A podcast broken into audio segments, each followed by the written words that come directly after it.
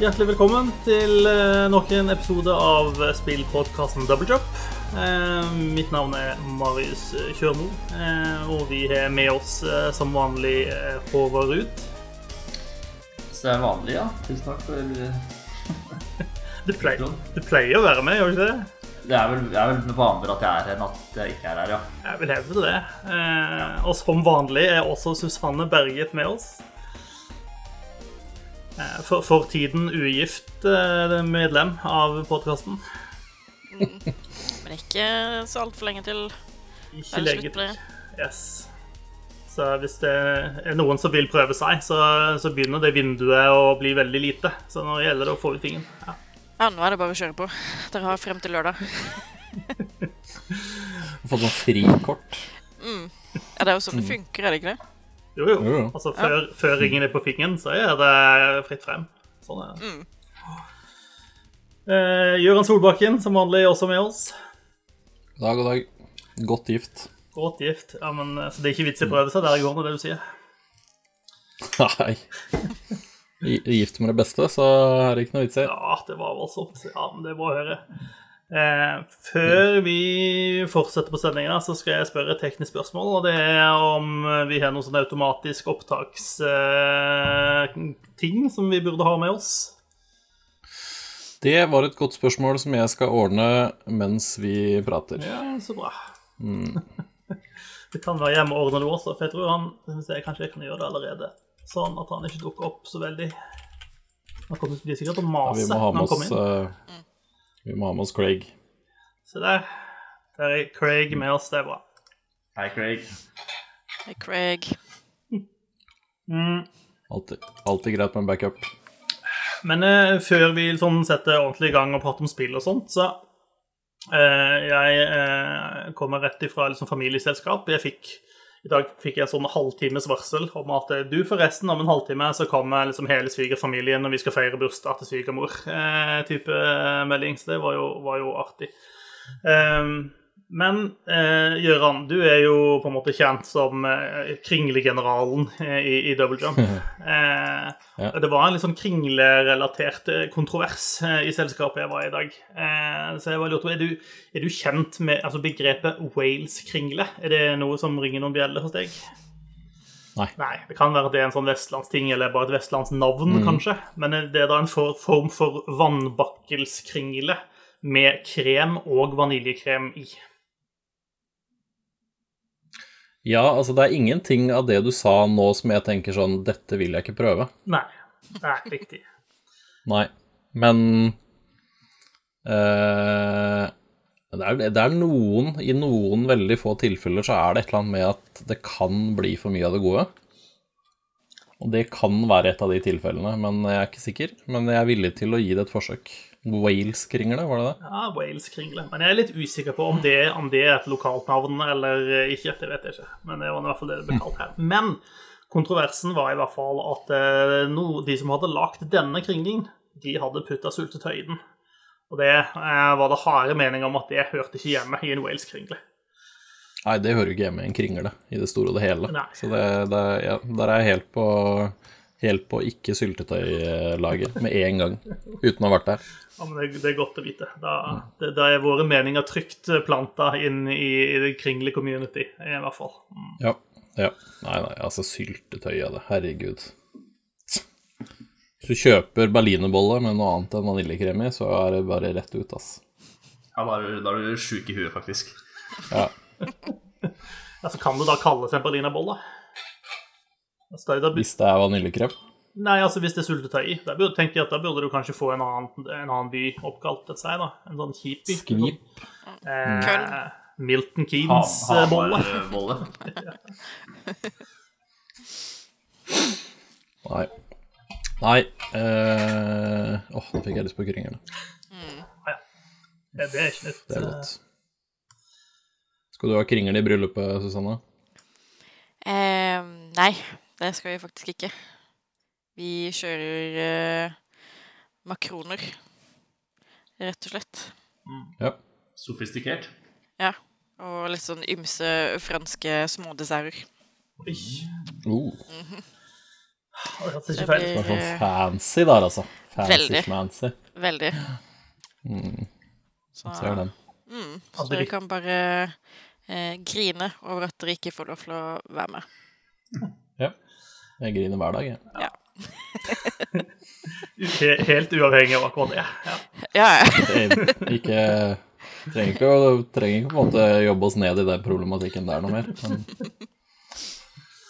Ja, nei, jeg tenker det, det, det går helt fint an å ha masse smådesserter. Altså, det må bare være nok av de. Sant? Altså, man skal jo helst fråtse eh, når det er fest, på en måte. Ja. Så makroner, for eksempel, er awesome, men du skal jo helst ha ti hver, på en måte. Før de begynner å måne. ja. kan du lage en kringle av makroner, da? Makronkringle. Mm. Ja. Det blir jo nærmest som en diger som en burger, egentlig, da. På en måte. En burger, bare kake. Ja. Ja. Jeg tipper det er noen, makron, eh, noen av våre mange makronlagende lyttere som sitter og river seg i håret av det forslaget. Sammenligne bare- med en burger. Men eh, ja. Jeg tenkte jeg bare skulle skrape ut innholdet altså, alle sammen, og så bare spise liksom, det ytterste laget. Sånn som man gjør Ja. med Oreos. ja, ja. Eller skrape ut innmaten og så erstatte den med liksom Nutella eller noe sånt. Ja. Majones, tenker jeg.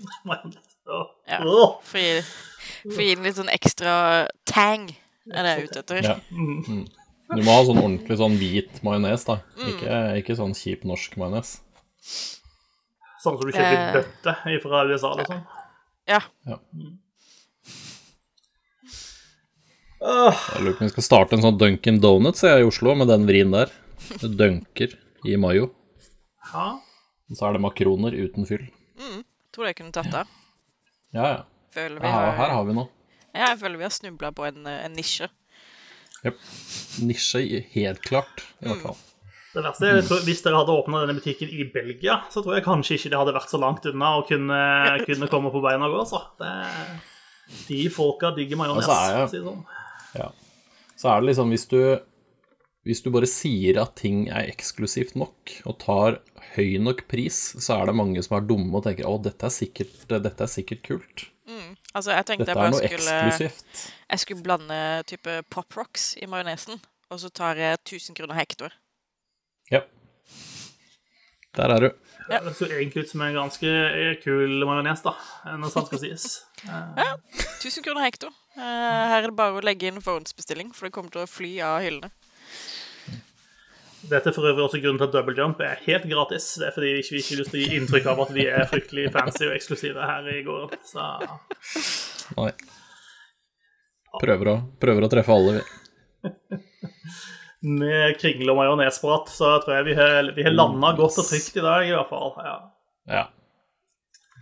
Eh, skal, skal, vi, skal vi vri temaet over i dataspillenes verden? Eh, gjør et, et tappert forsøk. Det har vært eh, vi, vi har begått dataspilling, noen og flere av oss, tror jeg, i løpet av eh, Ja, nå er det vel fort to uker siden vi hadde forrige sending. Det er jo litt sånn sommermodus nå, så det er ikke sikkert det blir eh, sending hver uke i løpet av sommeren, men kanskje annenhver, f.eks., eller når, når det passer seg, i det minste. Ja. Um, vi har hatt en eh, bokklubb som vi alle har spilt. eh, men vi, kanskje skal vi vente på den, eller skal vi, ta, skal vi ta de andre tingene først, og så komme tilbake til den, kanskje? Det er en sånn eh, Kan vi ikke vri på hele, så tar vi bokklubben først? For det har vi aldri gjort før. Jeg tror vi har gjort det Jeg er også. ganske sikker på at vi har gjort det før. Ja. Ja, greit. Greit, samme. Jeg skal ikke si noe mer, jeg. Er ferdig for i dag, jeg. Skutt ned hardt og brutalt. Eh, Ja. Da tar vi ikke bokklubben først, eh, bare fordi Gøran blir sur av det. eh, Og det syns jo vi andre er veldig Ja. festlig. Så Jeg blir forbanna. Gøran, hva har du spilt da som ikke bokklubben? Oi, oi, oi. Eh, jo, jeg har spilt et nytt eh, uh, massivt multimedia online uh, rollespill. Multimedia heter? online-rollespill? Yes. Nei, jeg veit ikke. Jeg veit ikke. MMORPG. Nei, jeg har, jeg hoppa på hypen på Twitch og begynt med Final Fantasy 14 igjen.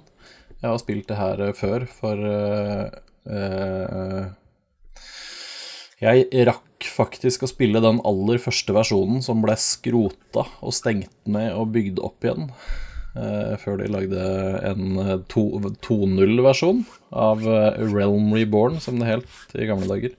Uh, jo, nei, det har jo vært en sånn kjempe, kjempehype rundt det, fordi det er en del uh, profilerte sånne wow-streamere på Twitch som har eh, gått lei og hoppa over på Final Fantasy, og så bare drar det med seg haugevis av folk. Så nå, jeg så i dag, så så jeg da var det utsolgt for den digitale versjonen av spillet på nettsiden sin. Hvordan nå det enn går. Ja, men, ja, men hæ? Yep. How? Ja. What? Mm.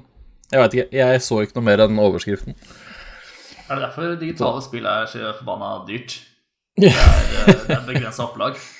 Ja, begrensa opplag. Derfor, Begrensa derfor det er antall så koder. dyrt i Sony-butikken. De bare får så få antall eh, av sine Ja. egne spill inn der. Det er nok det. Da skjønner jeg alt.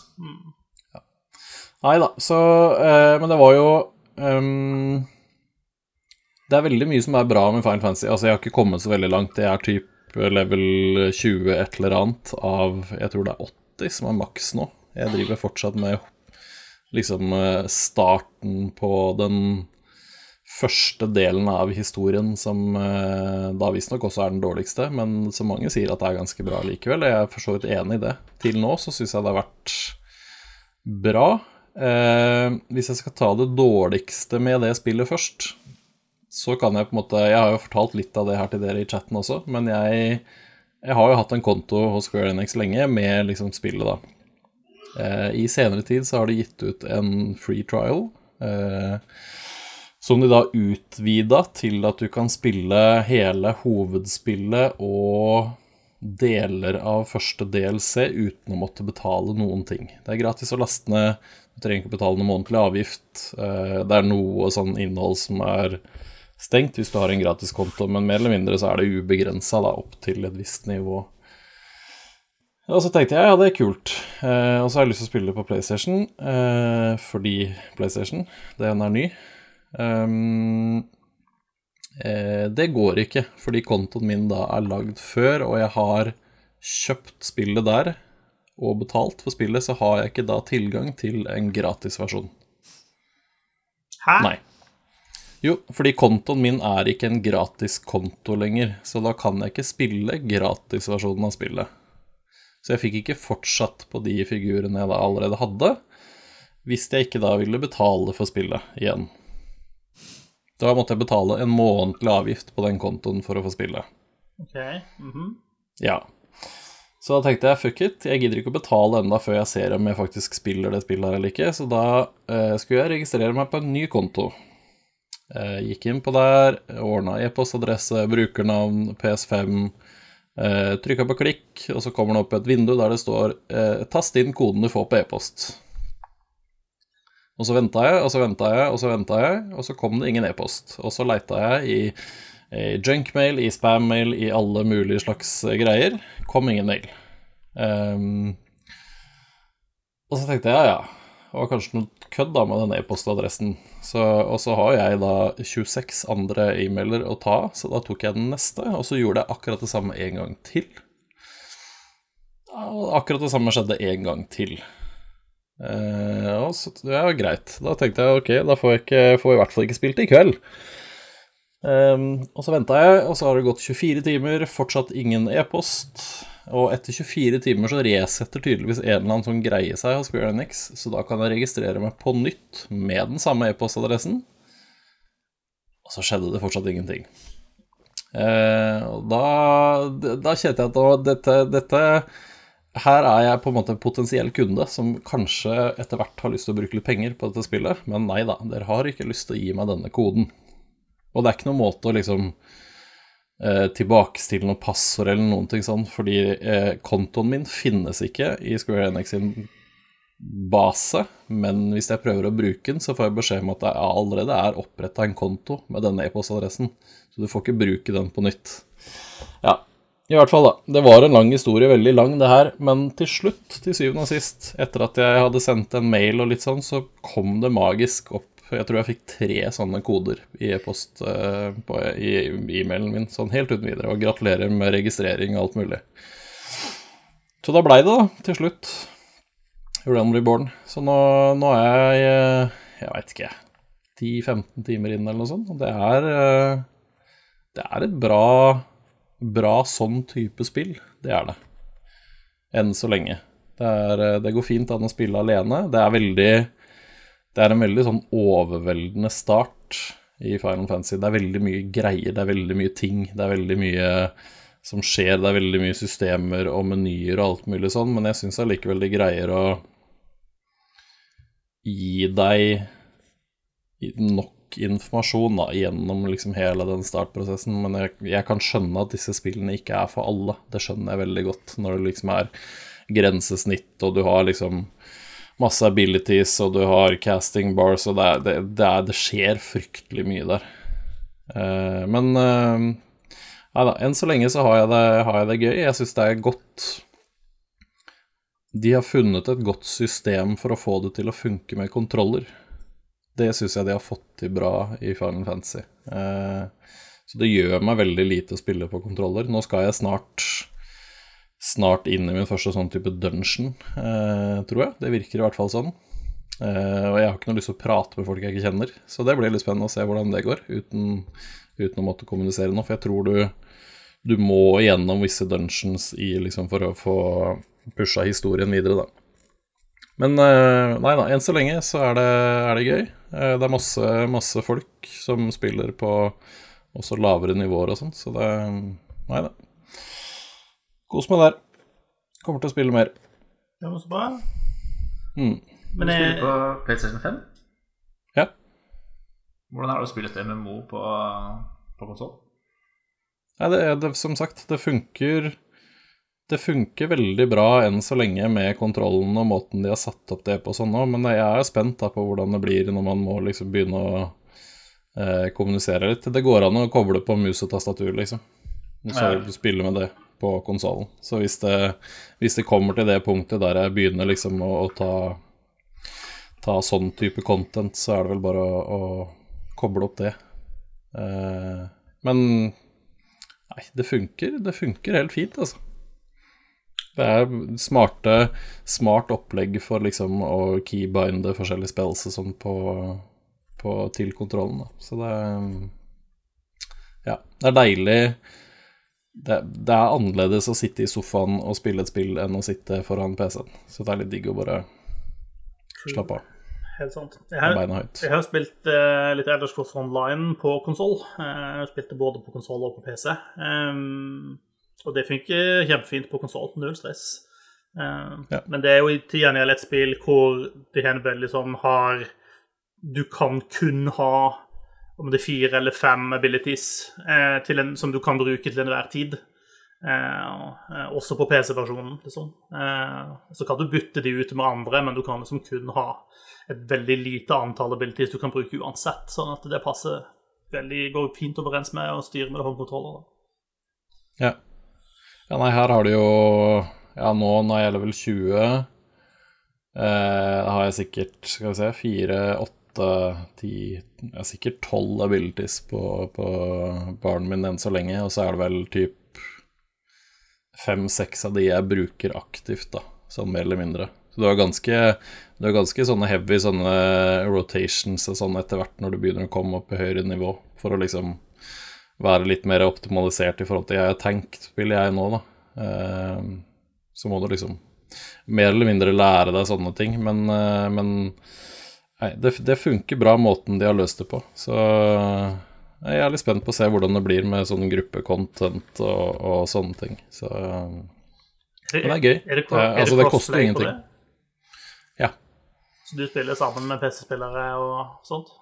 Ja, ja. Alt går via samme serveren. Mm. Eh, det fant jeg, for jeg hadde tenkt jeg skulle prøve det på PC-en her også, men eh, en free to play-konto blir låst til den plattformen du registrerer deg på. Så hvis jeg da bestemmer meg for å oppgradere det til en betalt konto, så kan jeg spille crossplay på PC og PlayStation som jeg ønsker.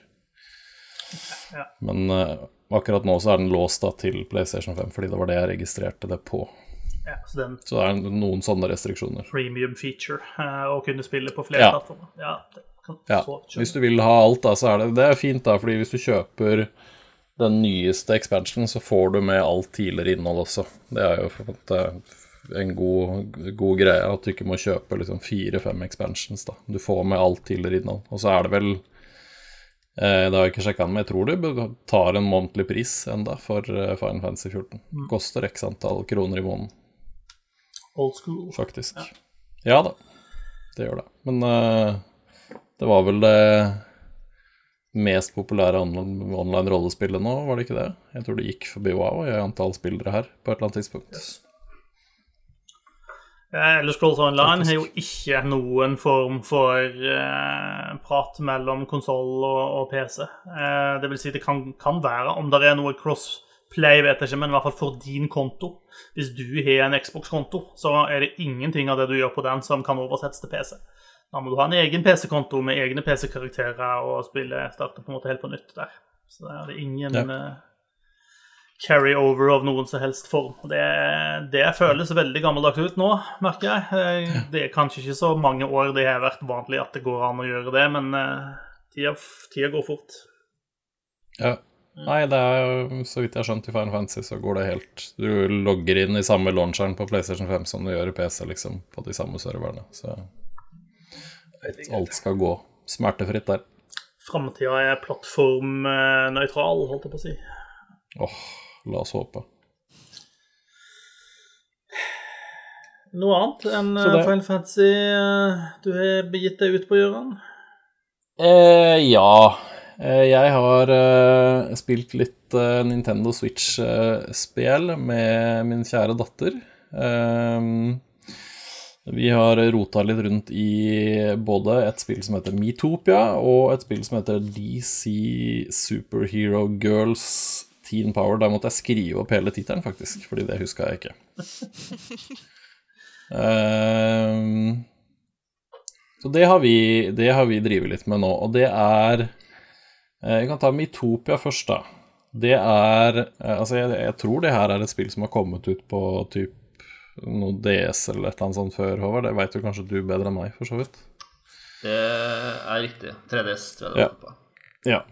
Eh, Jeg har aldri spilt det før, men det er i hvert fall et Altså, du lager på en måte din sånn Me, eh, og så er det en ond tro trollmann eller tolken eller hva den enn måtte ønske, som eh, kommer ned og stjeler ansiktene til eh, disse innbyggerne i et sånt land som du eh, befinner deg i. Eh, altså, alt er jo liksom Me, da. Alle ser ut som en sånn Me-figur.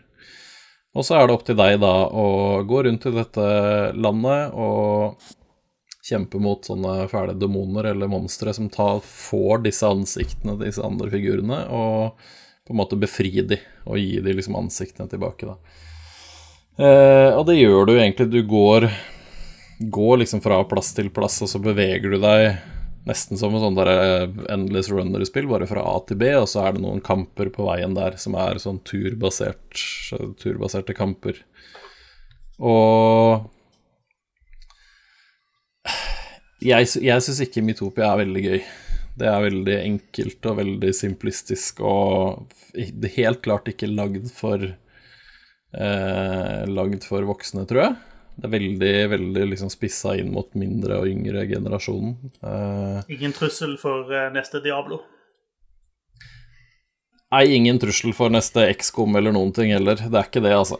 Det er eh, Nei, det blei veldig enkelt og veldig, veldig sånn ja, kjedelig og repetativt veldig fort. Og det er vel egentlig også eh, datteren min som kanskje er litt mer inn i, inn i målgruppen, syns også det blei fort ganske kjedelig. Og så tror jeg det var Mitopia er akkurat litt for komplisert i forhold til å skulle velge liksom angrep eller magi eller sånne ting. At du har for mye valg hvis du er for liten, da. Eh, men du kan slå på en sånn autobattle, sånn at de bare kjemper kampen automatisk. Men da blir du bare sittende og se på at spillet skjer. Så det var litt sånn Ja, jeg tror vi var midt imellom kanskje målgruppa her, så Men jeg veit ikke, jeg veit ikke helt om jeg skulle anbefalt det til noen. Jeg syns det blei det blei litt tynt, og med tanke på at Mario Rabbids treffer litt i samme sjanger, da, og litt kanskje Så gjør de disse tingene veldig mye bedre, egentlig. Selv om det er litt altså. annen type spill. Ja, Mario Rabbids er et veldig bra spill, så jeg vil nok heller ha liksom Hvis du har lyst på litt den type spill, da, så ville jeg mye heller ha gått for det enn å valgt Mitopia. Men Mitopia er et enklere enklere konsept og enklere spill. Det var gøy å, gøy å kle på alle disse figurene og ordne klasser og se åssen de så ut, og liksom lage alle mine til alle du møter underveis og sånn. var liksom gøy en stund, det òg, men så ble det litt sånn trist og leit etter hvert. Eh, og så har vi da også spilt dette DC Superhero-spillet.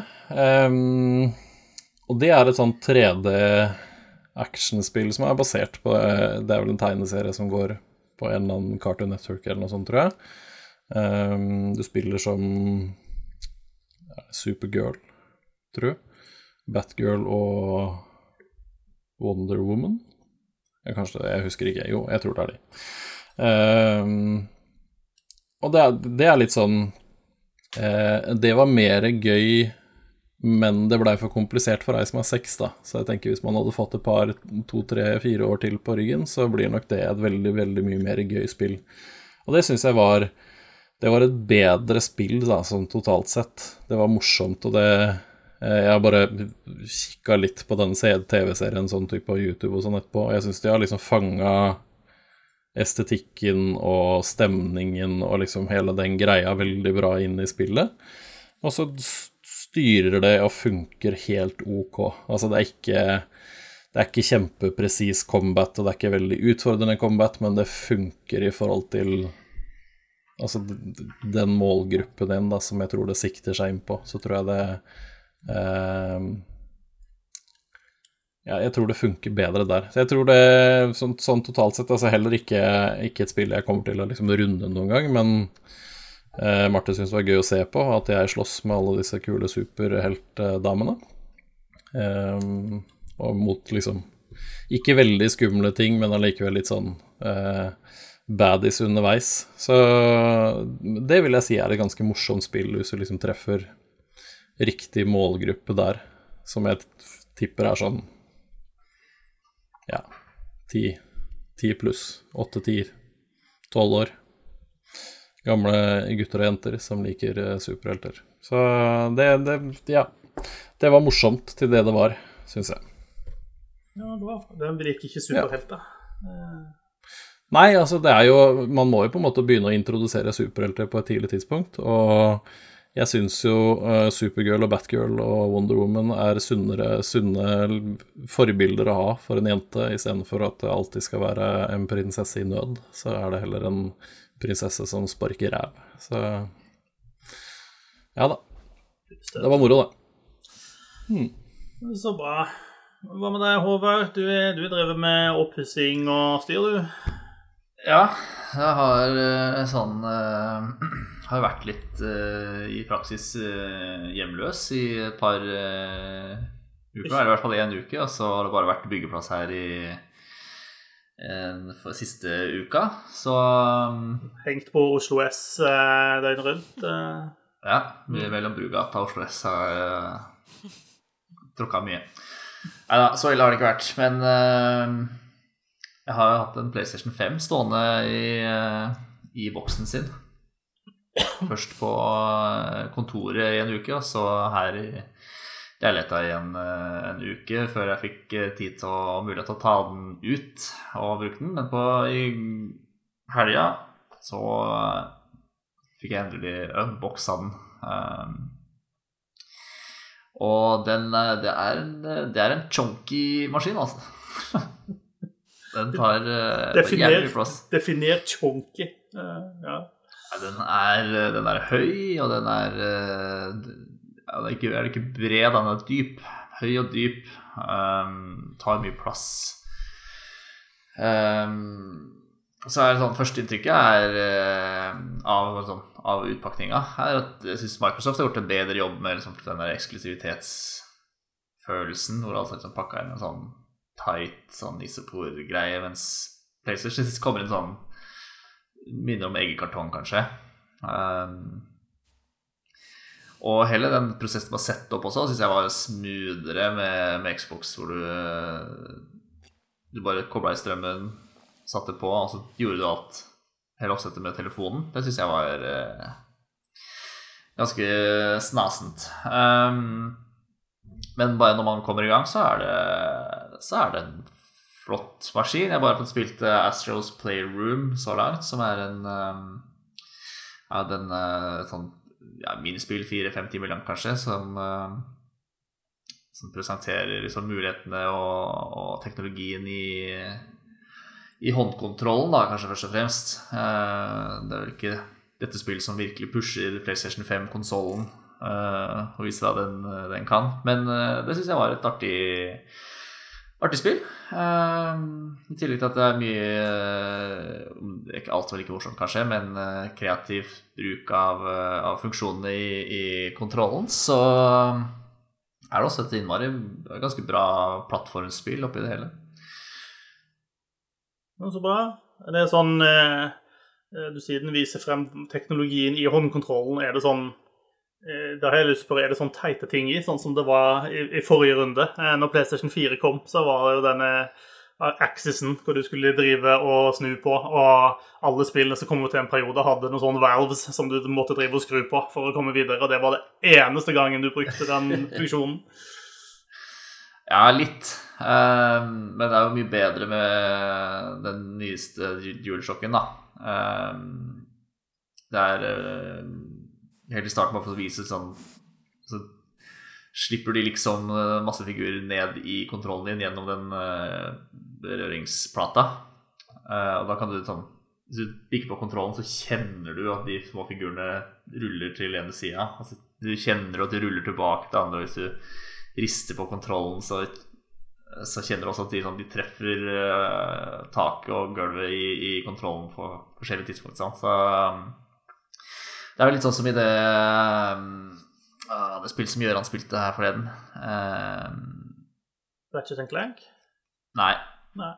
Det, det, med hun dama som er stranda på en, i, i verdensrommet. Returnal. Yes, Return. Mm. Det beskrev du med, med at regnet Du kjenner at regnet treffer uh, på forskjellige steder på kontrollen. Mm. Mm. Veldig, veldig kult. Veldig, veldig kult. Ja. Så det er gøy. Eh, jeg har ikke fått investert i noe et uh, nytt spill uh, ennå. Jeg tipper kanskje det første blir Ratchet and Clank. så får vi se. Vi bør rive i en sånn PlayStation Now, kanskje, som er uh, GamePass-konkurrenten til Sony. Mye bra Mye bra rive i der. ligger en del snacks der. men er det sånn at man må ha både PlayStation Plus og PlayStation Now? Kan man ikke, får man ikke ett, alt i én pakke, sånn som GamePass? Vet du det? Er det noen som vet det? Det tror jeg ikke du får. Nei. Jeg tror det er to separate abonnement, det. Ja. Dårlig. Det er skjermings. Ja. Xbox har uh, forenkla hele den prosessen der veldig. Mm. Så de andre henger litt etter, tror jeg. Bare gi oss alle pengene dine, eh, så får du alt. Det er ja. veldig grei ordning. Ja. Ja, ja, ja. Men, det, eh, fint, det, blir ikke noe dyrere det enn uh, en GamePass, tror jeg. Det er uh, 600 kroner eller noe sånt for uh, et helt år for begge av de. Så det blir jo omtrent Det blir faktisk rimeligere enn det vi betaler for GamePass uh, Ultimate for et år. Da jeg, jeg bare sitter veldig misunnelig og føler meg veldig utafor som ikke har en PlayStation 5 akkurat nå. ja, jeg ser for meg at nå er det kort tid før jeg blir buta ut av hele podkasten. Så konsekvent spørre om PlayStation 5-versjoner igjen nå framover. Ja, det må du få gjøre det. Ja. Bare ha PlayStation 5-spill i bokklubben fremover. Ja. ja. Da blir vi bankratt snart, da, for det koster jo 900 spenn for et nytt spill der. Så. Ja, fy fader, de prisene er helt ville.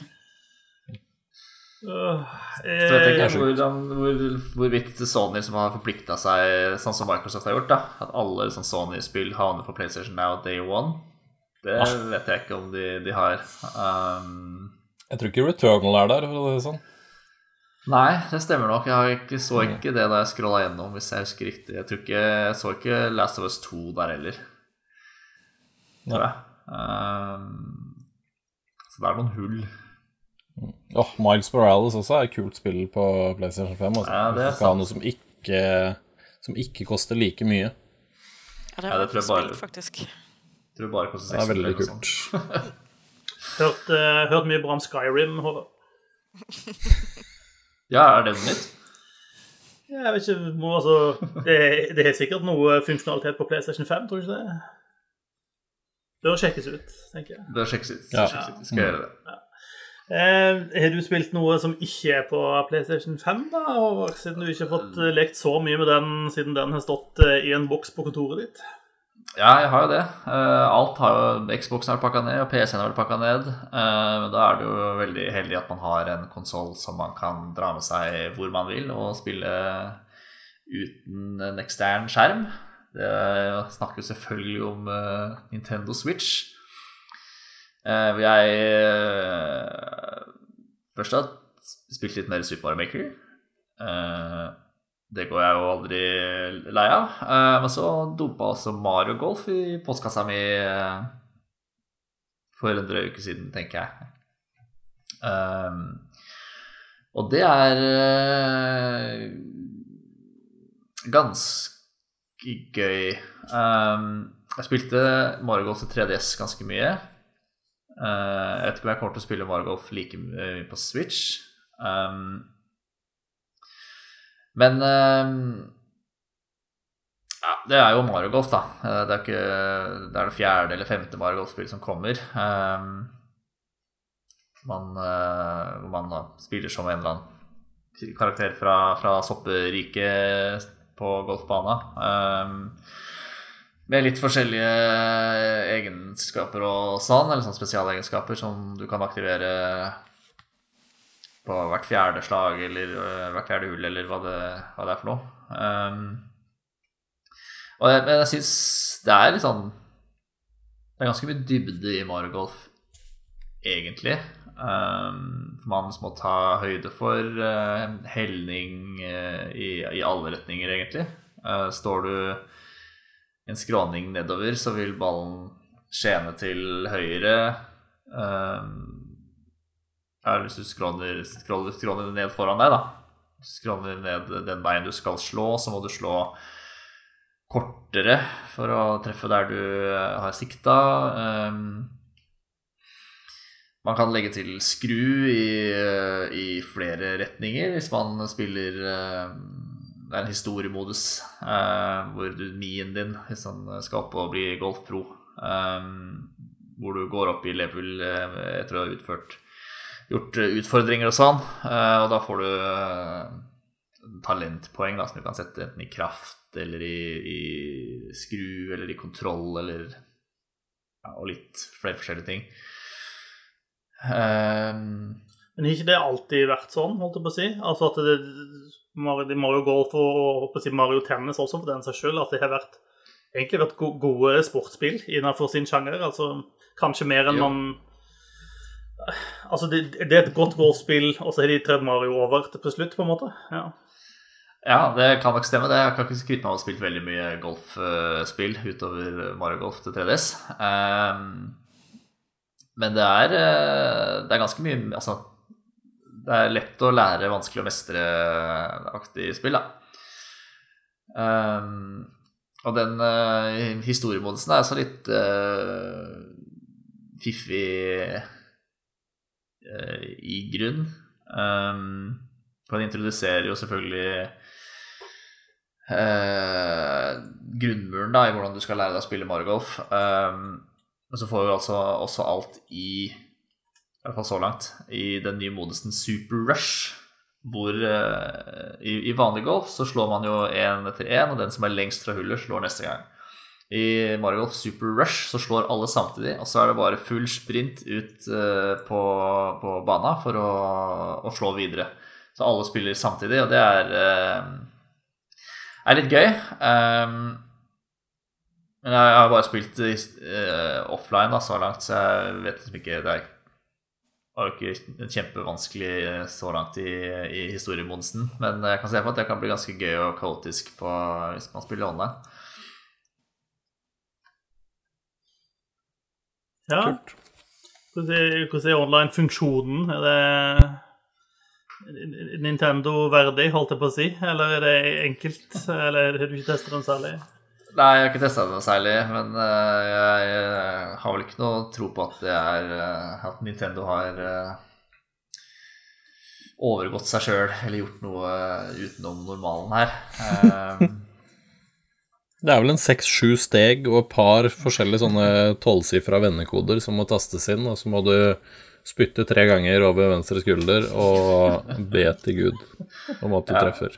Nei, jeg husker i hvert fall På 3DS så var det masse Var det ukentlige turneringer som, eh, som Nintendo satte opp, og hvem som helst kunne sette opp sine egne turneringer eh, som kunne vare en dag eller en uke eller eh, Eller sånn, da. Så, men da spilte man for så aleine i de turneringene.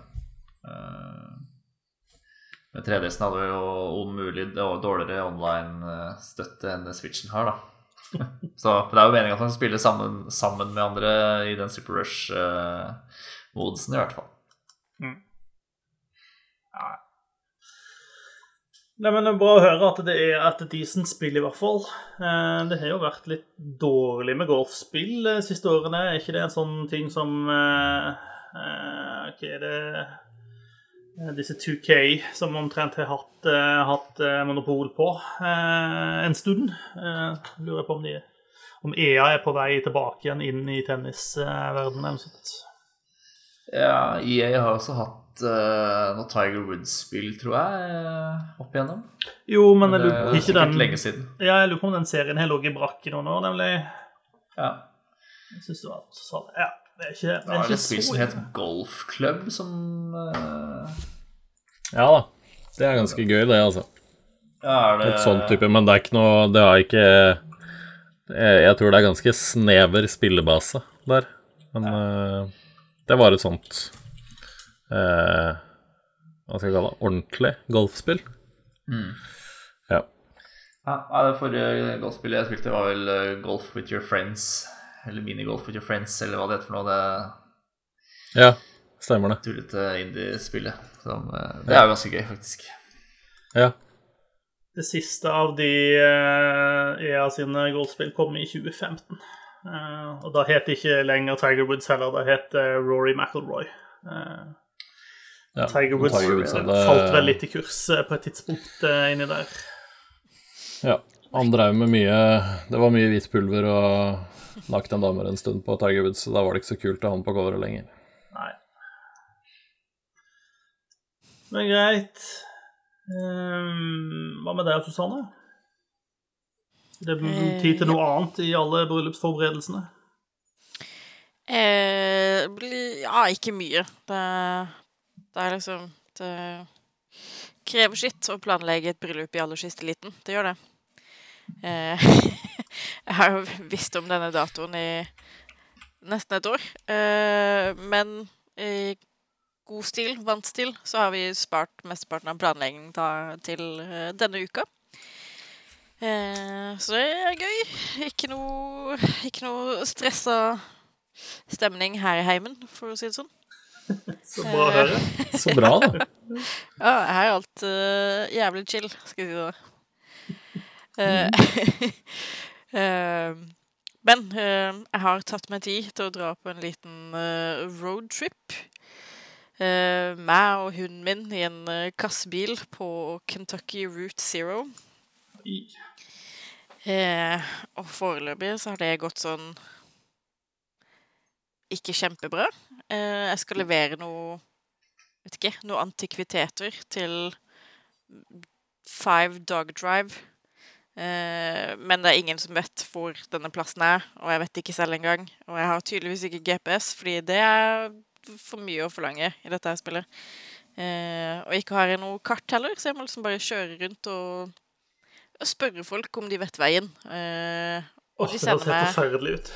ja, og dette er ikke et spill for menn, tror jeg. Nei. Eh, da kommer du ikke noen vei. Altså Hvis du insisterer på at du er på rett vei, så er du det til slutt. Når du på en måte prøver alle veier, så, så har du rett. Så ja, jeg blir sendt til litt forskjellige steder. Så jeg har drevet og kuka rundt i en gruve. Eh, hvor jeg har møtt en annen dame som jeg tar med meg. Eh, jeg tror det er frivillig. Eh, jeg har også fucka opp beinet mitt nedi der. Og kjørt litt rundt for å finne kusina til denne dama jeg plukka opp, eller et eller annet, fordi hun vet visstnok hvor vi skal. Eh, og nå har jeg havna på et sånt slags byrå som også er en tidligere kirke, bare selve forsamlinga i kirka har blitt relokert til et sånt lagerhus. Eh, og jeg skjønner eh, ingenting av det som foregår i det spillet. Eh, men det er liksom eh, Det er veldig atmosfærisk. Eh, så jeg tror jeg liker det. Eh, og det føyer seg jo veldig fint inn i rekken av liksom, spill med gå rundt og trykke på ting og snakke med folk, og så finner du ut av et eller annet mysterium til slutt, som jeg har spilt i det siste. Uh, det er bare Det er så jævla weird. Det minner om uh, Oxenfree møter Dark, møter Twin Pics, på en måte. Uh, og jeg har ikke spilt kjempemye, men det, det, føles litt feil å spille det nå, når liksom sola står rett på, og det er varmt og det er koselig ute og, og sånne ting. Jeg føler at det burde, ha, liksom, det burde være mørkt, og det burde være regne og kanskje, kanskje litt lyn og torden for å liksom virkelig sette stemninga. Uh, så jeg lurer på om jeg skal legge det litt på hylla og så ta, plukke det opp igjen til høsten. Men foreløpig så syns jeg det er veldig interessant. Det, det har en appell, uh, til tross for at jeg ikke skjønner hva faen det er som skjer. Men det er liksom det er, det er, spennende, og det har litt sånn overlappende fortellinger. Og det er liksom Jeg ser for meg at det kommer til å snøres sammen til slutt, uh, men jeg vet ikke hvordan. Så det, det blir spennende å se.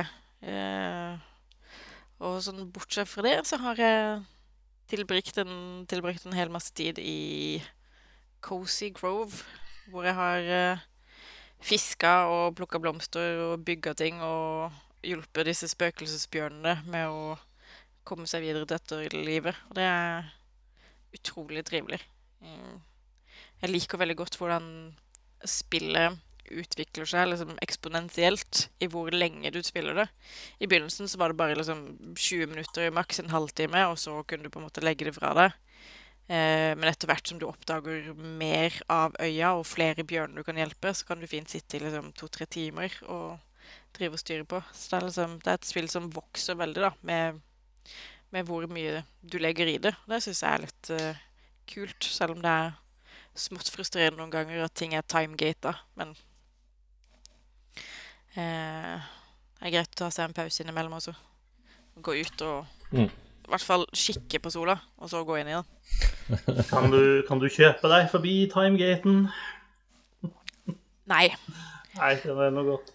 Mm, du kan liksom ikke Utviklerne anbefaler heller ikke at du reiser frem og tilbake i tid, sånn som du gjør i Animal Crossing, fordi eh, det kan fucke opp save-gamet ditt.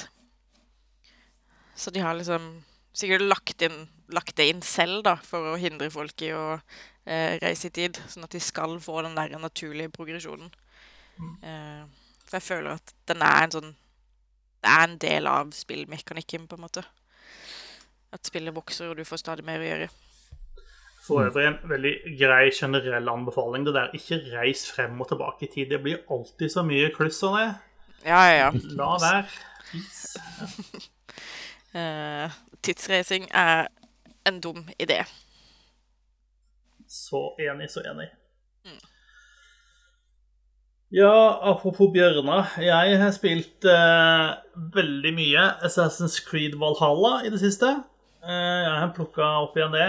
Eh, kommet meg et godt stykke videre i hovedhistorien. Eh, helt, klart å på en måte ha nok fokus til å prioritere litt story missions. Ikke bare sånn O, oh, squirrel, og så løpe til høyre til den neste som blinker på kartet. Eh, men jeg har også vært flink i å fjerne disse, mange av disse tusenvis av ikonene på verdenskartet som er der. Eh, så jeg gjør my due diligence der, altså. Eh, og jeg syns jo det er så mye altså, For et spill det der egentlig er. Altså, Det er så mye inni der. Det er så mye spill og så mye rart.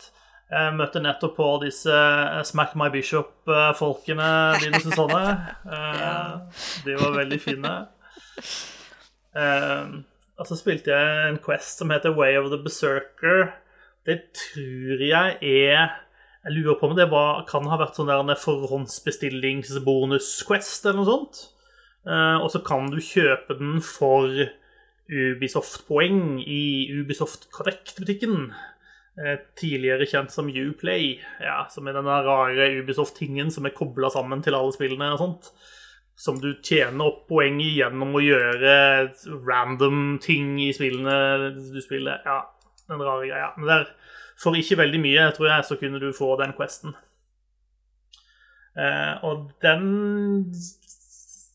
det, det er sånn I Assassin's Creed Valhalla-sammenheng så var den sånn det var ikke en spesielt lang quest, og den var ikke sånn Den var, den var helt grei. Det var ikke sånn at den var lagt masse mer arbeid ned i den enn i de andre questene, men eh, den hadde en tematikk som bare gjorde meg helt utrolig trist og lei meg når den var over. Det var ikke noe hyggelig i det hele tatt.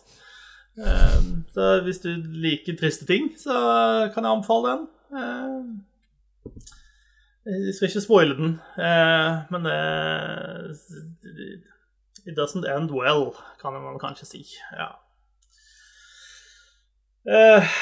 Og jeg har ikke kommet lenger i Assassin's Creed Valhalla enn at det begynner å se, begynner å se røft ut for brorsan Sigurd også. Han, nå har han vært kidnappa en stund, og Flere ting tyder på at han ikke har det så bra i den kidnappa tilstanden sin, kan man vel kanskje si. Så jeg er spent på hvor, hvor dette ender til slutt. Og nå driver folk i, hjemme i byen min som jeg har brukt så mye tid og ressurser på å bygge opp og få til å bli flott og fin, og så er det noen av de drittsekkene der som begynner å syte og klage over at 'Å, ja, men jeg er ikke den ordentlige jarlen', og eh, 'Hvorfor er jeg den som skal styre og bestemme der', liksom? Uh, og dette er fra folk som ikke har gjort en skit for den byen. Hmm. Men da er det viktig å sette folk på sin plass, tenker jeg. Uh, og det gjør jeg gladelig. Du gjør det med en øks, eller? Akkurat nå bruker jeg spyd, uh, men det går ja. mye for det samme, da. Ja, det gjør det. Jeg kom meg opp på sånn power level 250 rundt om der et eller annet sted, tror jeg. Eh, sånn at nå, nå, nå, kan jeg møte disse ja, hva er de for noe? Ikke korsfarere, men de er noe sånn der, eh, disse kjipe folkene som bare rir rundt og dukker opp på dårlig tima tidspunkt hele tida. Eh, nå kan jeg møte de og faktisk slåss med de uten å bare instadø, eh, og det er ganske OK. I motsetning til begynnelsen. Så kommer litt lenger uti, så er du litt mer hardhaus, og du tåler litt uforutsette ting. Eh, jeg sliter fortsatt med eh, på en måte I en av de litt sånn tidlige regionene du dumper inn i, så er det en sånn slags egen questline med tre sånne hekser du skal slåss mot, som er sånne egne boss battles. Jeg har tatt to av de, men den tredje den er ganske lei. Eh, så den er jeg fortsatt ikke helt i mål med. Og jeg trenger å drepe de for å få tatt en eller annen sånn fancy rustningssak som ligger gjemt et sted. Uh, og irriterer meg med den gule skinnende ikonet på verdenskartet som jeg ikke får fjerna. Uh, så nå driver jeg og grinder meg oppover til å bli god nok til å kunne ta ut den siste heksa. Det blir bra. Uh, ellers så har jeg spilt et spill som ikke er ute ennå. Jeg tror det kommer sånn i ordentlig release i september. Det heter Encased. Um, altså det er tilgjengelig i Early Access. Um, og det er et uh, ovenfra og ned-rollespill. Uh, satt i en slags Ja, hva skal vi kalle det for noe, da? En slags uh, science fiction setting. Eh, det er på en måte en alternativ tidslinje til vår. Eh, sånn at det, det tror jeg det er satt til liksom 70-tallet eller noe sånt. Men ting har gått litt, eh, litt annerledes der enn det gjorde hos oss. Så liksom, det skjedde rare ting under den kalde krigen, og så har verden blitt litt annerledes. Og ute i en eller annen ørken så har man da funnet et Oppdaga et område med rare krefter og gjenstander som gjør at plutselig er det litt sånn magiske ting ute og går, og dette er veldig rart og mystisk. Um, og så er det et eh, stort eh, sånn internasjonalt corporation, eh, de vet vi jo alle er hyggelige og kan stoles på, eh, som har da enerett til å liksom drive forskning og, og utforske dette området. da. Eh, de heter Cronus. Eh, og du skal til, denne, til dette området. og det er liksom der spillet starter, da, med at du, du ankommer dette stedet. Eh, og så du, kan du på en måte Du har ganske stor valgfrihet i å lage din egen karakter, lage bakgrunnen og hvordan du passer inn. Um, og så har de ikke et de har ikke egentlig et klassesystem, sånn som mange eh, rollespill har, men de eh, bruker eh, Altså, dette Kronus-firmaet uh, har mange ulike vinger, som de kaller det. Altså mange ulike subdeler av seg eh, som er fargekoder. Eh, og, og, og, de gjør forskjellige ting. Eh, sånn at du har én ving som er på en måte forskerne. Eh, og du kan velge å tilhøre den hvis du vil. Så er du en ving som er liksom ingeniører, og så er du en ving som er eh, sånn type management og markedsføring og sånt. Eh, som er litt sånn type karismabaserte og flinke til å prate og lure folk og sånne ting. Eh, og så har du noe sånn blue color eh, altså sånn, Et sted som er det mer eller mindre bare kriminelle som eh, har fått velge å slippe henne i fengsel med å, og heller velge å ta samfunnstjenesten sin i den vingen der isteden. Eh, som, som, omtrent går med handcuffs og i hvert fall aldri får lov til å bære våpen. og sånne ting. Ja, jeg husker ikke nøyaktig alle, men det er sju ulike sånne. da, eh, Som er en litt sånn kul take på det. Eh, og de, de, bruker på en måte disse systemene også til eh, sånn faction-system med reputation, sånn at hvis du eh, bryter deg inn og stjeler noen artifacts fra noen forskere eh, før de rakk å liksom kategorisere de, så får du dårligere reputation med liksom den vingen, eh, og så vil det spille seg ut eh, seinere. Eh, de, de, legger på en måte en høy list for seg sjøl med å si at dette er et spill som skal handle mye om liksom, valgfrihet, og at eh, de valgene du tar, de vil ha konsekvenser eh, og sånne ting. da. Um, så jeg syns de bygger det opp veldig kult. Eh, starten av spillet er ganske stilig, hvor du liksom blir introdusert for dette, og de, de gjør en ganske god jobb i å kjøre deg gjennom en slags treningssystem.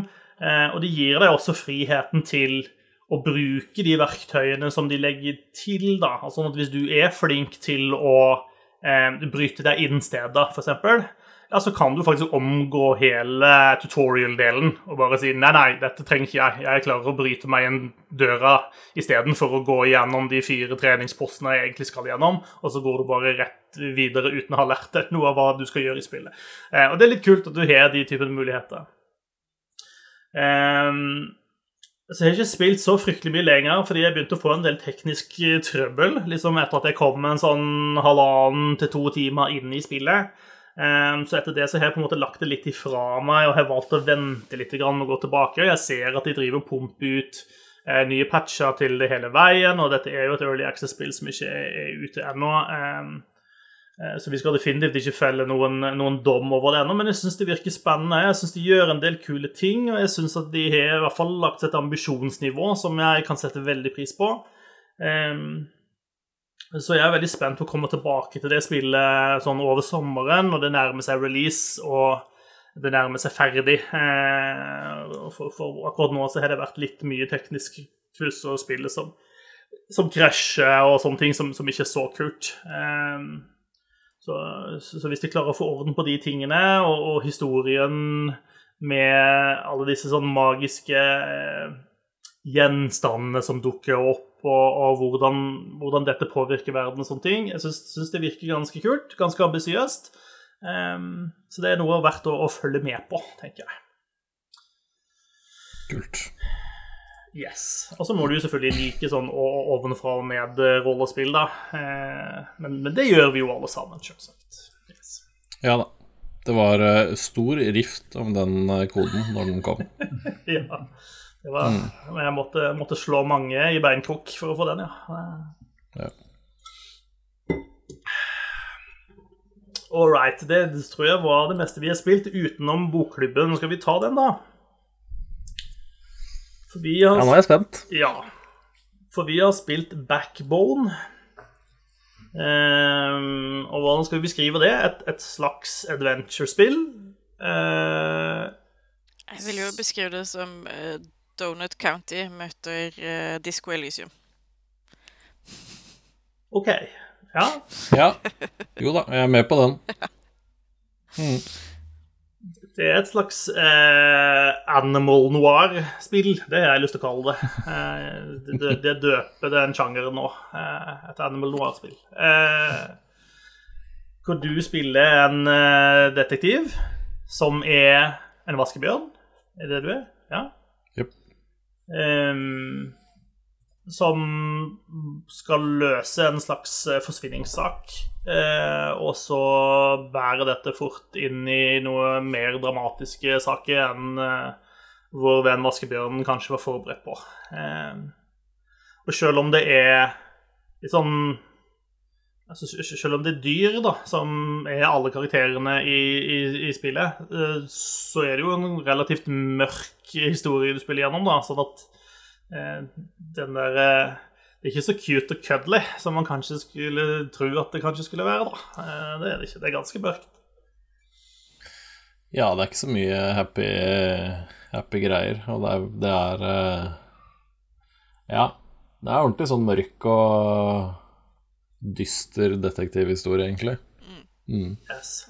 Altså Hvis du har lest Black Sad-tegneseriene, så vet du litt hva det går ut på. Det er mye av den samme sjangeren, da, bortsett fra at du spiller som en, en vaskebjørn, og ikke, en, uh, og ikke leser om en katt. Det høres ut som noe man må lese, faktisk. Mm, altså Black Sad er dritbra. Eh, men det er også sånn uh, Animal noir, eller chat noir, om du vil. liten språkvits for det der. Eh, altså, det jeg liker med, med, spillet, er jo Det er veldig forseggjort. Altså, bakgrunnen og omgivelsene er liksom Det er veldig mye detaljer og sånn. Eh, og så er det fylt med små sånne eh, nerdereferanser og stikk her og der, blant annet til eh, Jordan Peterson og Ayn Rand. Uh, og liksom Resident Evil blir nevnt, og litt sånne ting. Uh, og så er det det at det er et veldig merkelig hierarki i spillet. Fordi alle karakterene er dyr, men du har også dyr som bare er dyr. Uh, og da er gjerne fugler, sånn som duer og gjess, som blir brukt som sånn Foodora-bud, basically. men det virker jo ikke som de er sentient på samme måte som, som musene og rottene og vaskebjørnene og kattene og sånn. Eh, og så er det en eller annen sånn der skaperfigur som blir kalt for The Forever Shepherd eller The Eternal Shepherd eller et eller annet sånt. Som helt tydelig er et menneske. Eh, og som av en eller annen grunn har sagt, satt at liksom aper er de dyrene han liker best. Selv om all animals are equal. But some are more equal than others. Um, så det er liksom Det er, det er et veldig merkelig univers. Eh, og jeg liker det.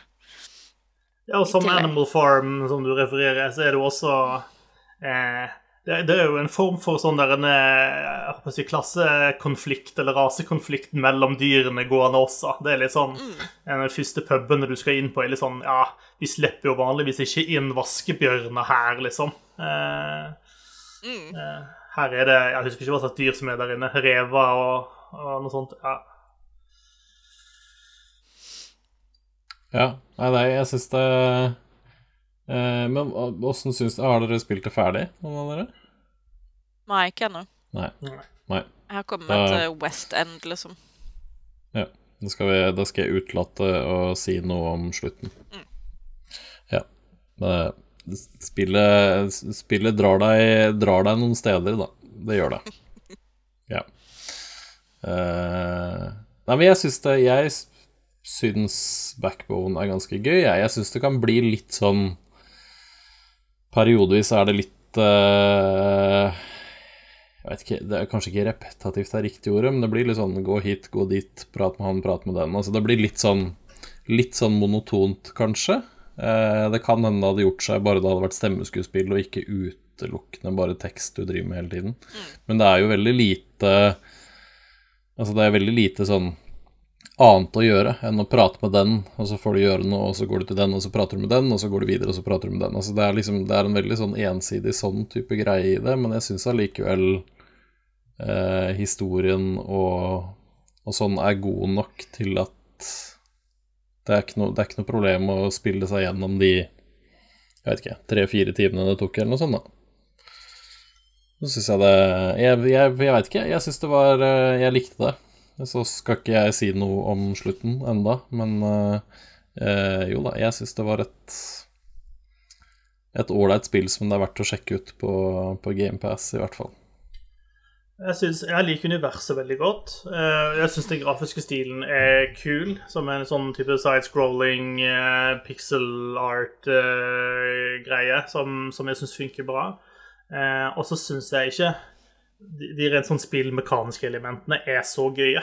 Eh, og det Jeg har Altså, jeg digga gamle eh, adventure-spill i sin tid. Jeg har vokst opp med de, men jeg kjenner også at jeg er så utrolig ferdig med den sjangeren. Eh, og noen av liksom de eh, eh altså frustrasjonene eh, man gjerne hadde med den sjangeren, de, de kommer liksom til syne her også.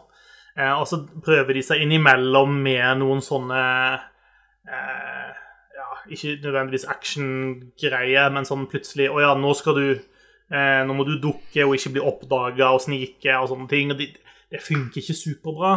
Eh, og de prøver, altså Det er en sidescroller, men samtidig så er det tydeligvis et lag da, av at av og til så går noen bak og no, noe, og noen går foran noe, og det er ikke veldig tydelig og lett å egentlig forstå hva som er hvor, og ja, nå blir jeg sett, og nå blir jeg ikke sett, type greier. Så det er noe med mekanikken der som jeg ikke syns er 100 eh, men, eh, men, men, jeg liker liksom universet såpass godt da, at eh, mm. det, det, er nesten sånn jeg har mer lyst til å se Netflix eh, animated series, på en måte, mer enn, enn å spille spill, egentlig. Ja. ja. det er veldig, veldig kul stil. Det er det. Det er uh uh, det er lett å ta skjermbilder da, i det spillet. Fordi det er så mye kule bakgrunner, det er så mye kule detaljer underveis. Veldig kul sånn lyssetting og sånn. Så det Nei. Jeg er enig i det. Og så er det litt sånn eh, Underveis, da, så var det flere ganger jeg tenkte sånn at hvorfor skal jeg ikke heller bruke tiden min på å spille Disco Elysium med stemmeskuespill? For det er litt samme type spillet, egentlig. Mm. Bare at Disco Elysium er så uendelig mye bedre, da. Men det er dårlig gjort å liksom sette det opp mot det allikevel. Jeg skulle til å si Det er jo ikke nødvendigvis til forkleinelse av backbone. Det er bare fordi Disco Elysium er så evinnelig bra. Ja, ja, ja. Eh, nei. Så Men eh, vi, jeg vil anbefale dere å bare sette av én kveld, og så bare spille igjennom. Mm. Men gjerne ikke med den seks år gamle dattera di. Nei, det, det, vil jeg kanskje ikke anbefale. Det tror jeg Jo, da kan hende du syns noen av de dyrene er litt morsomme og sånn, for så vidt. Det blir mye Mario Party her om dagen. Åh, det høres grusomt ut. Ja. Øh, ja ja. Nei, men greit. Det var det var eh, Bokklubben for denne gang. Eh, Håvard, du har vel gjerne ikke hatt anledning til å være med eh, siden du har vært hjemløs i det siste?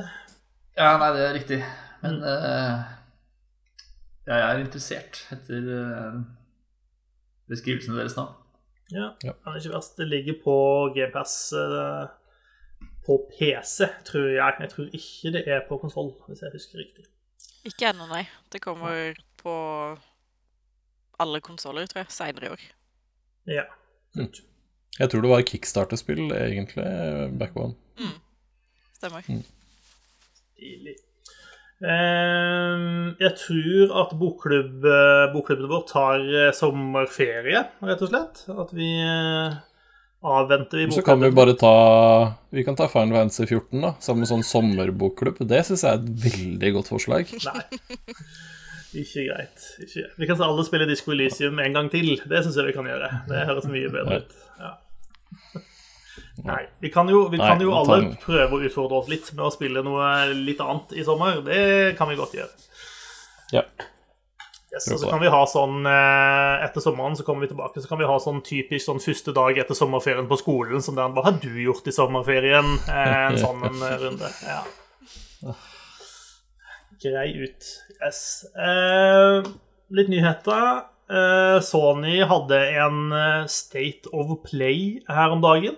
Eh, vet ikke om noen fikk med seg den, men eh, jeg gjorde i hvert fall ikke det. Eh, ikke at jeg vet om jeg gjorde så veldig mye nyttig da, men de Det var ikke så innmari mye kult der heller, da.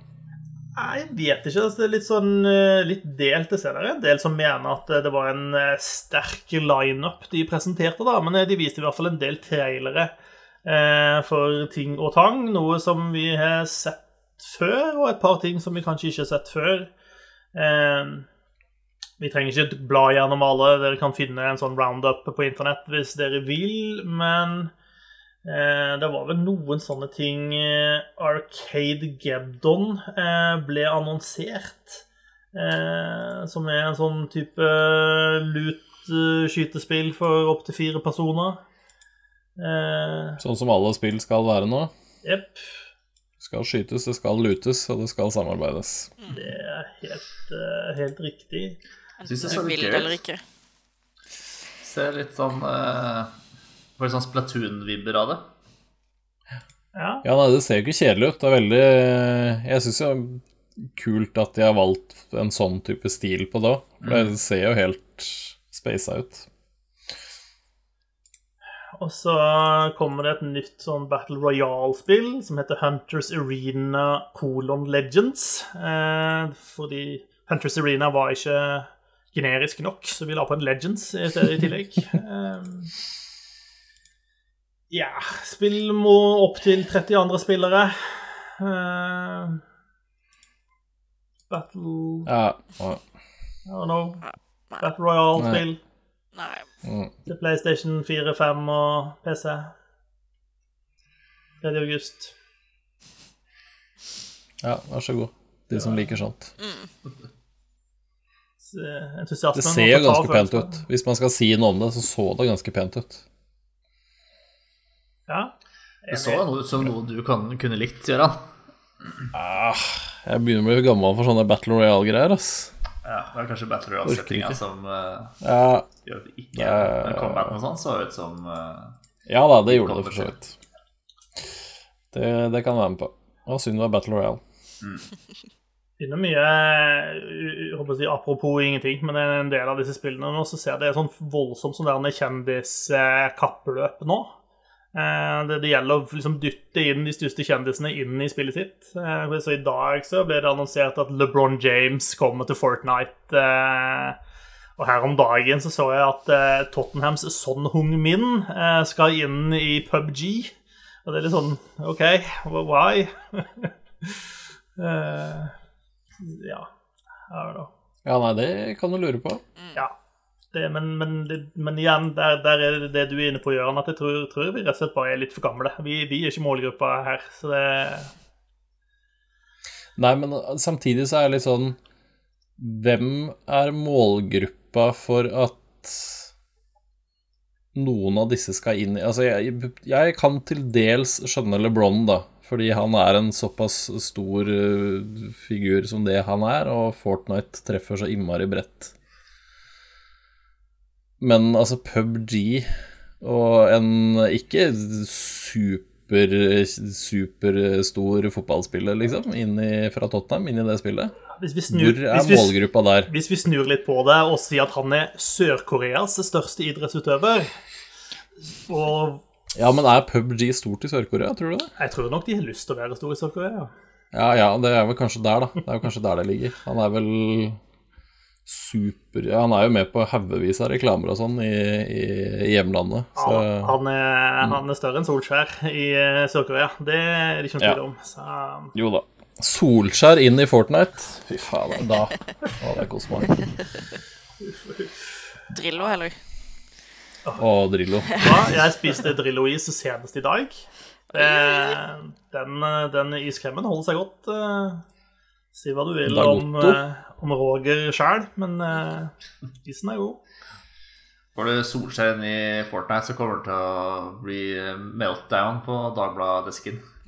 Å, fy fader. Ja, Det er jo en måte å få mer eh, spilldekning i eh, dagspressen på det, da. Eh, Ja.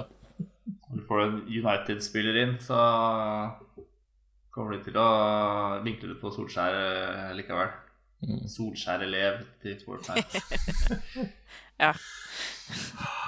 Ja, ja, greit. Eh, var det andre ting eh, dere så på State of Play-en eh, Sony som Ja. eh, dere vil trekke frem?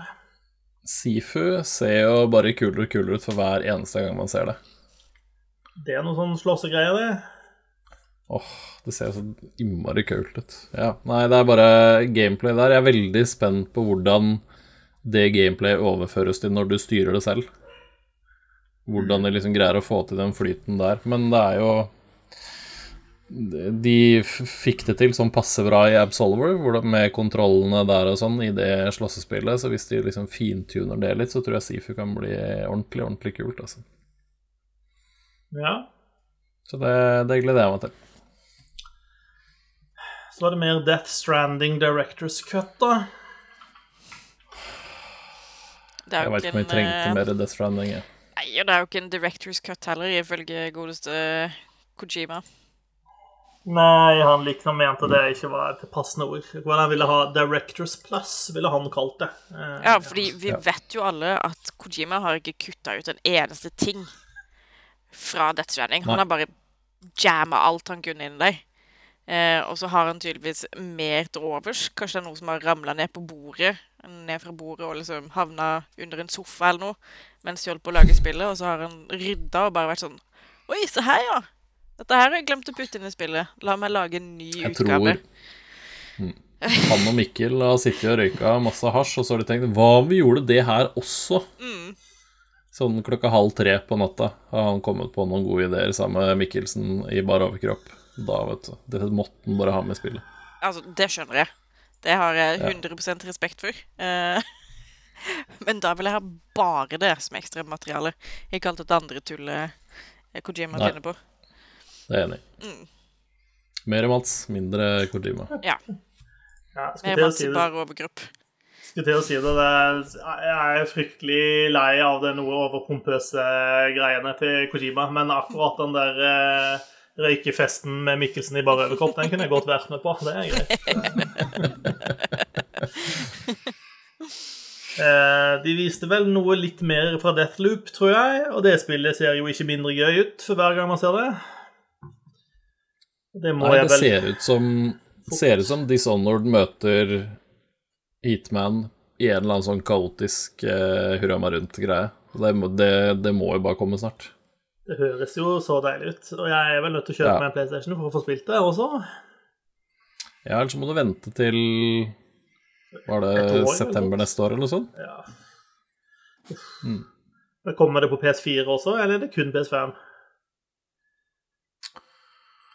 Det er et godt spørsmål.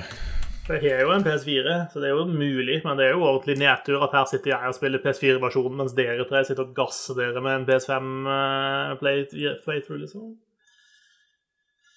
Nei, PC, da. Ja, men kommer det day one til det? Står så. Ja, men da er det jo ikke noe problem. Da er Ja. du safe. Released on September 14th på PlayStation 5 og Windows. OK. Ja. Er det Tror du det kan komme i GamePass på PC da? Nei, det kan jeg aldri tenke meg at de tillater. Tror du det? Nei, altså Sony har vel neppe noen PC-rettigheter, så Eller Nei, I don't know. Jeg vet ikke hvordan det der funker. jeg. Who knows? Vi får se. Men hvis det kommer til PC, så trenger jeg i hvert fall ikke skaffe meg PS5 for det spillet, i hvert fall. Eller så kan du late som om du må ha en PlayStation 5 til bare det spillet.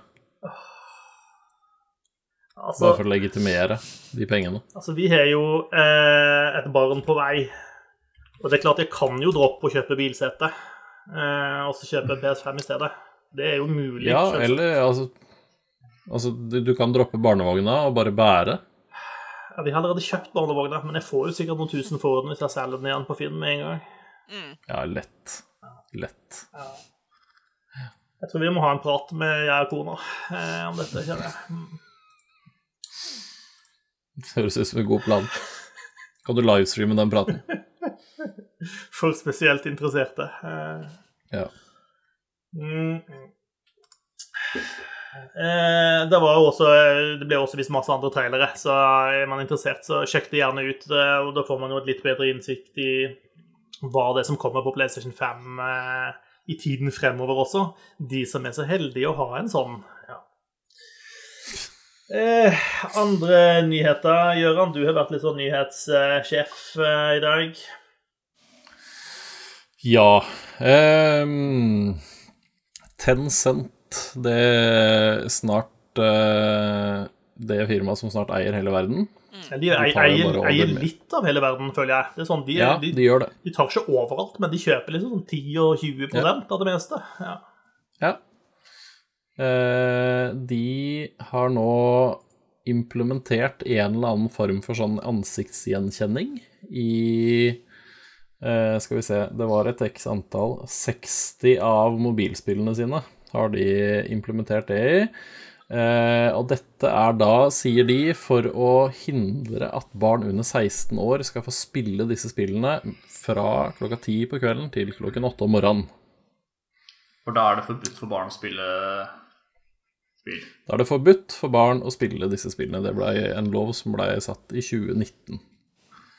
Og så kan man jo på en måte Det er jo en veldig inngripende ting å gjøre, men selve liksom Altså, den loven, da, det at de begrenser den spillingen på den måten, det er i og for seg ikke nødvendigvis en dum ting, da. At de på en måte begrenser mobilspillingen og antall timer og når du kan spille.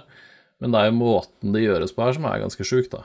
Det er er ganske, det er ganske dystopisk eh, framgangsmåte. Ja. Og syns så det er er, det også de flere stopp- ting å ta tak i her, da. Altså Ja, og så stopper de eh, Du skal ikke få bruke mer enn mellom eh, 250 og 500 kroner i måneden på mikrotransaksjoner. Og du skal ikke få lov til å spille mer enn 90 minutter per dag. Men i helgen så får du tre timers spilling. ok. Ja. Eh, Det har de gjort i 60 mobilspill i Kina. Det er ganske sjukt. Altså, det er noe med øh, Hvem er det som har foreldreansvar, da? Eh, jeg tenker jo at dette er jo noe foreldre burde eh, regulere, og ikke nødvendigvis er noe som staten bør inn og tvinge gjennom for alle, på en måte. Eh, nå, nå bor ikke jeg i Kina, eh, åpenbart, og har en helt annen bakgrunn. Eh, men blir umiddelbart litt skeptisk eh, av eh, ja, jeg tør Jeg tror jeg vil kalle det overformynderi, ja, eh, i utgangspunktet. Og jeg tenker også at det kan være gode grunner til at noen har lyst til å spille mer enn 90 minutter en dag. Og så er det jo hele denne ansiktsgjenkjenninga, som er litt sånn for- det første, eh, dette kan jo umulig gå galt på noen som helst måte. Det er jo eh, eh, sikkert trygt å la staten og private selskaper drive og ansiktsgjenkjenne hver og en av oss hele tida, og ikke minst barna våre. Eh, ah. Nei, den er guffen. Men de gjør, Altså, jo, det- vi- de gjør jo noe av det samme i USA nå. Med politiet setter opp sånne gaming trucks.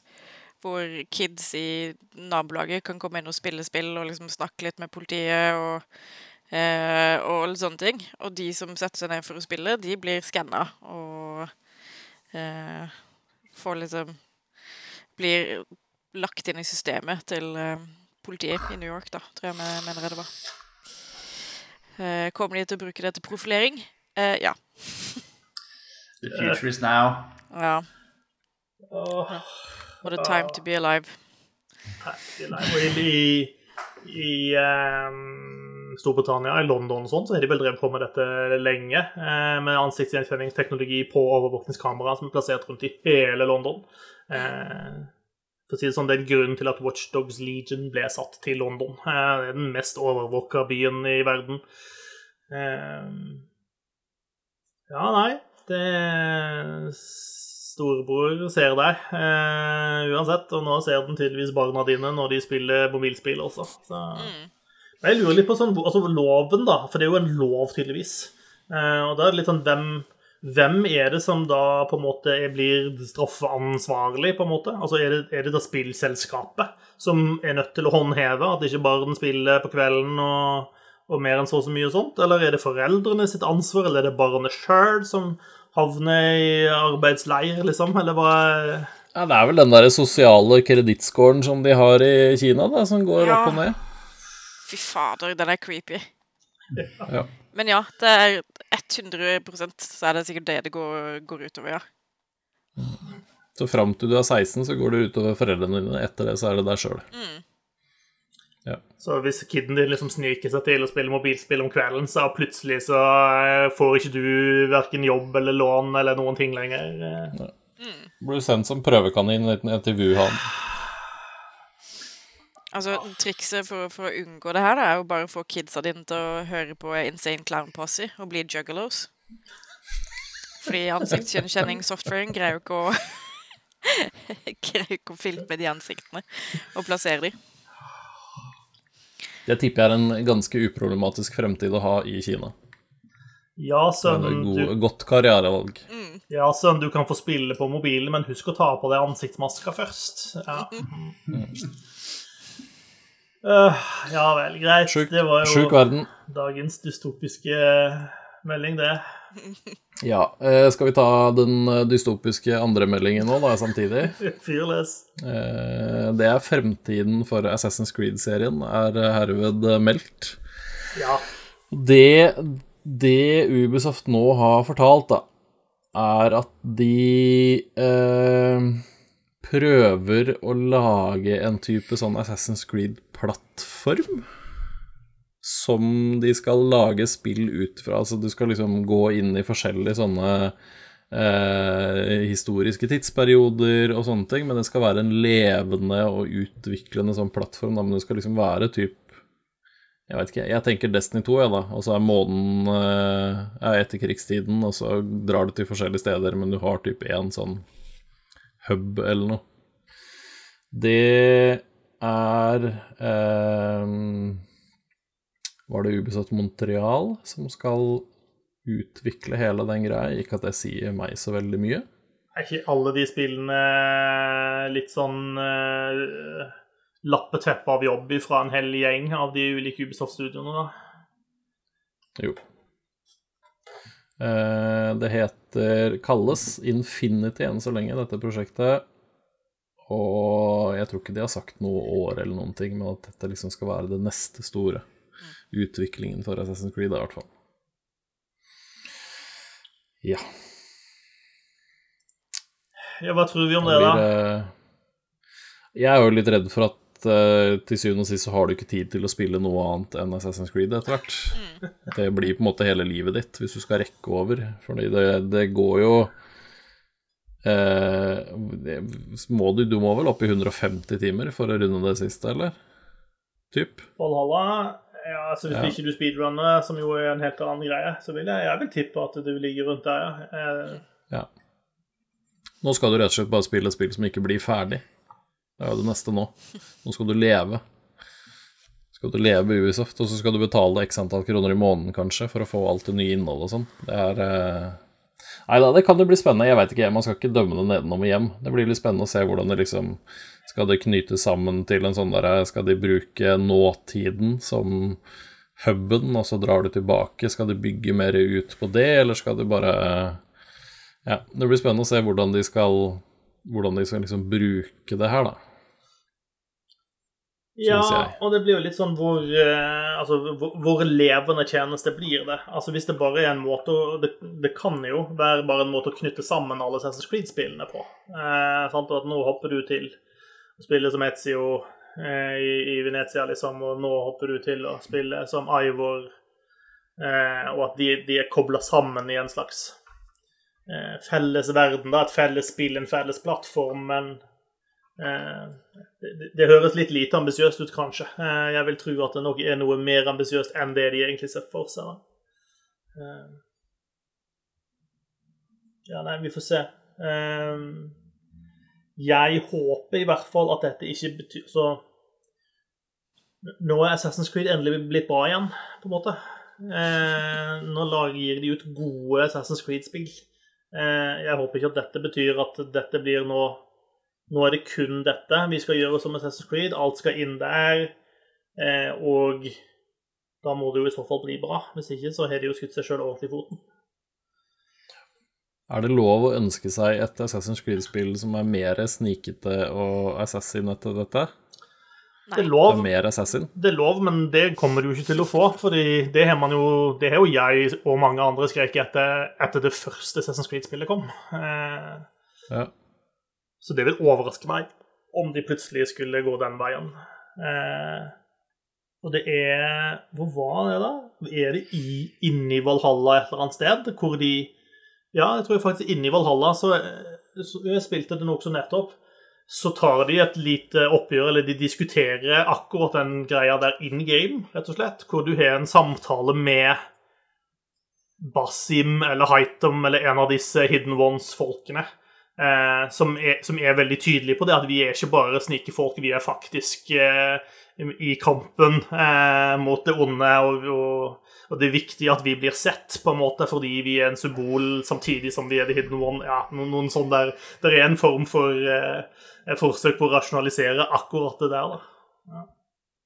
Ja. Men jeg er enig med deg. Gi meg eh, Assassin's Hitman, liksom. Det, Mhm. Hitman's Creed. Jeg er med. Ja. Eh, den siste gladnyheten, da, vi får ta runda med det, er at eh, eh, The Witcher sesong to kommer på Netflix 17.12. Endelig har kommet en liten eh, en kort eh, teaser til det. Eh, ja. Det, er, det eneste minuset er at det ikke var 17. juli. Ja. Da må han nå gjøre juleferien, da. Åh, det blir deilig. Jeg skal bare halese den. Er du lurer, så begynner du å kjøpe julegaver nå, så du ikke trenger å styre med det fra og med 17. desember. Altså, jeg har gifta meg, da, så jeg styrer ikke med så mye julegaver. Ja, så er det yes. trikset. Yes. Kona mi pleier å høre på starten av episoden, skjønner du, men ikke slutten. Så det er derfor jeg var veldig snill i starten, og så var jeg tøff i trynet nå på slutten. Lære noen triks. Jeg må begynne å ta noe Altså, netthandel er en veldig fin ting rundt juletider. Gjerne, gjerne litt tid. før juletida. Akkurat Ja. i juletida er det ikke den fineste ting. I god tid. Som, som nå. Nei da, men Ja, sånn som nå. Ja, begynn da. Men uh, The Witcher eh, er vi klar for. Kom igjen. Mer uh, biceps fra godeste Henry. Men det kommer, vel, det kommer vel mer innhold til The Witcher 3 også? Det får vel en DLC basert på det som skjer i TV-serien? Faktisk. Yes. Oh, shit. Ja, jeg tror de annonserte det nå på WitchCon, eller hva faen det het. Eh, I tillegg Ja, det til eh, release-datoen til den nye sesongen. Så Det har jeg sett noe av, mener jeg husker faktisk, ja. mm. Men apropos 150 timer, da. Altså, hvor, hvor klar er vi til å gå tilbake igjen til Witcher 3, egentlig? Altså, Jeg er ganske klar, jeg, faktisk, nå. fullførte det aldri, så jeg burde kanskje svinge innom. Vi For tar 150 timers sving. Mm. Altså, det er Altså, jeg, jeg megadigger Witcher 3, men det var litt eh, jobb eh, å spille gjennom helt eh, til slutt, altså. Det var litt sånn dedication. Nå må jeg faktisk sette av tid i kalenderen min for å push through her. Ja. Og jeg måtte gjøre kompromisser med meg sjøl også om at det er greit, akkurat de der tingene, de, de gidder jeg ikke samle på oss. Eh, De får være. Nei. Skal vi se. Du kan eh, spille gjennom Witcher 3 på to timer og 41 minutter. Ja, ja, ja, ja. Du kan gå ned i vekt med å hogge deg foten også. Det betyr jo ikke at det er måten å gjøre det på, min gode mann. Witcher 3 ligger i PlayStation Now, tror jeg. Ja, det stemmer. Jeg har ikke lyst til å betale for det, jeg vet ikke hva det koster nå, men det Jeg tror jeg betalte 60 kroner for det eller noe sånt på tilbud. Jeg tror jeg har, har det tre steder eller noe sånt nå. Ja, ikke sant? Er det, er det her man skal si et eller annet om at å ja, de har tid til å lage DLC til The Witcher 3, men fikse Cyberpunk? Det gjør de ikke, nei. Mm. Jeg så noen kommentarer her forleden om at det har en akseptabel stand. Ja. Eh, hva- det ble jo nettopp, eller nylig åpna på PlayStation Story igjen, at du kan kjøpe eh, Cyberpunk, og det ble umiddelbart det mest eh, nedlasta spillet eh, på PlayStation. Så Ja. det er jo tydeligvis vært eh, en marknad for folk som har lyst til å spille dette, men det har ikke vært tilgjengelig på, på plattformen. Men nå, Ja, er, nå er det i hvert fall akseptabelt nok til at det er lov å kjøpe det igjen på PlayStation. Det er så synd, da, for det er et bra spill der.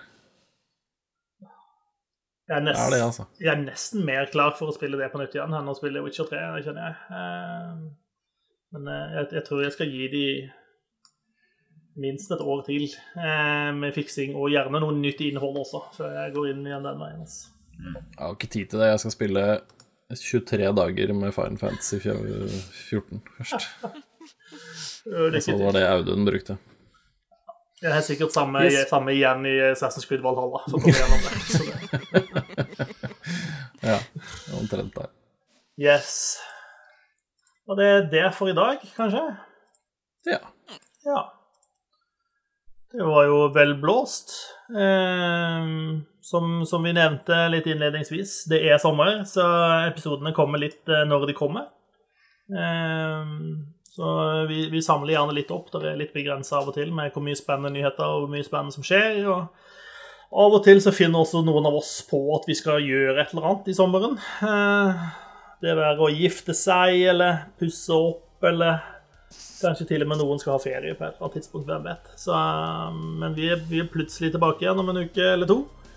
Så takk for at du hang med, og inntil da, hei så lenge. Ja, det Ja, Ha det bra.